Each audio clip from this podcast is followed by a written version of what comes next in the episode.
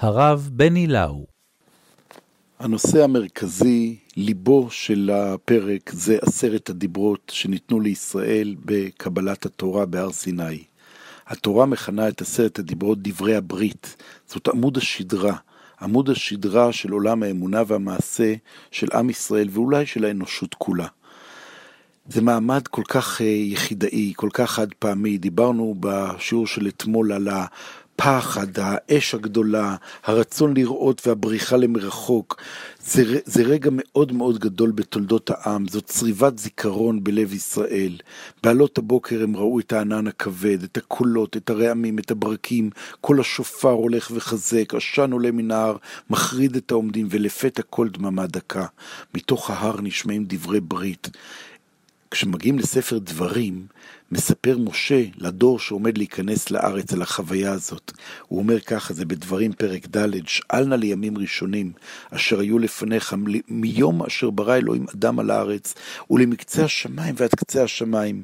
הנהיה כדבר הגדול הזה, או הנשמע כמוהו? השמע עם כל אלוהים מדבר מתוך האש, כאשר שמעת אתה ויחי? בשפה שלנו קוראים לדברים האלה של משה שחזור הזיכרון.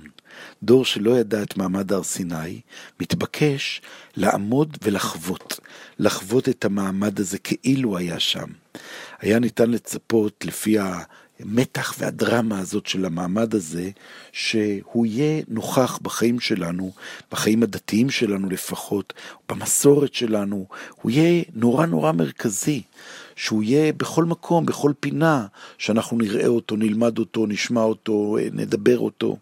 אבל כשמסתכלים בפועל, במבחן התוצאה, מסתכלים איפה עשרת הדיברות נמצאים במסורת היהודית, מגלים משהו מביך, מגלים שהוא בעצם לא נמצא. בתפילין יש פרשיות אחרות, במזוזה פרשה אחרת, בכל מקום.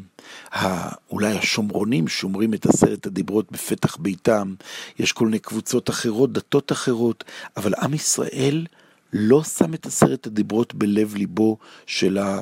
בלב ליבה של החוויה המסורתית, כאילו מצניעים אותו, כאילו מעלימים אותו. ובאמת כשלומדים את ההיסטוריה של המסורת, מגלים שהדבר הזה היה שנוי במחלוקת עצומה. יש לנו משנה במסכת תמיד שמתארת איך שהכוהנים כל יום כשהיו מביאים את תפילת השחר, קורבן תמיד של שחר, הייתה להם תפילה ותמיד תמיד היו אומרים בתוכה את עשרת הדיברות יחד עם קריאת שמע ועם ברכת כהנים. יגאל ידין, כן, הרמטכ"ל והחוקר הארכיאולוג מצא את התפילין בקומראן, והוא מראה שחלק מפרשיות תפילין של ראש כללו גם את עשרת הדיברות. זאת אומרת, אי שם, בימי בית שני, עשרת הדיברות היו נוכחים עמוק בתוך המסורת. ורק בתלמוד אנחנו שומעים שהיו גם אה, אנשים שרצו לעשות את זה במקום שבו שמים את עשרת הדיברות בתוך תפילין, בתוך תפילה, ואומר לנו החכם שמואל, ביטלו את הדבר הזה מפני תרעומת המינים. או נוסח של הירושלמי, טינת המינים. היה ויכוח עם המינים, עם, ה, עם ה, כנראה כתות שונות. אה, מי זה הדברים האלה? מי זה המינים האלה?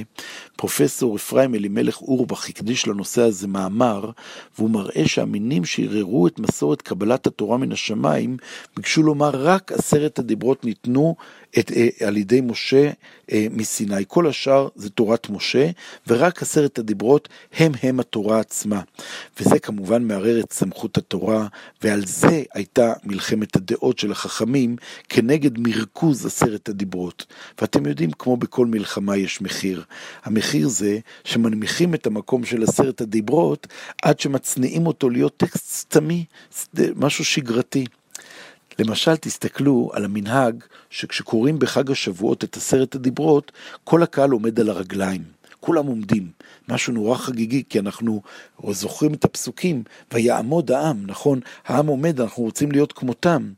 ובתשובו של הרמב"ם מצאנו תשובה שהרמב"ם נשען על הדבר הזה. הוא נשען על הדבר הזה ש... אה, היה מקום שנהגו לעמוד בעשרת הדיברות, ובא איזה חכם גדול לעיר, וביטל ואומר אין דבר כזה, עשרת הדיברות הם כמו כל שאר התורה, או שעומדים בהכל, או שיושבים בהכל. והרמב"ם אומר על הדבר הזה שעשה הרב, הוא אומר, לא צריך אה, לקבל את זה, בגלל שיש בזה אולי הפסד באמונה, כי אנשים מאבדים את הגובה, מאבדים את העוצמה.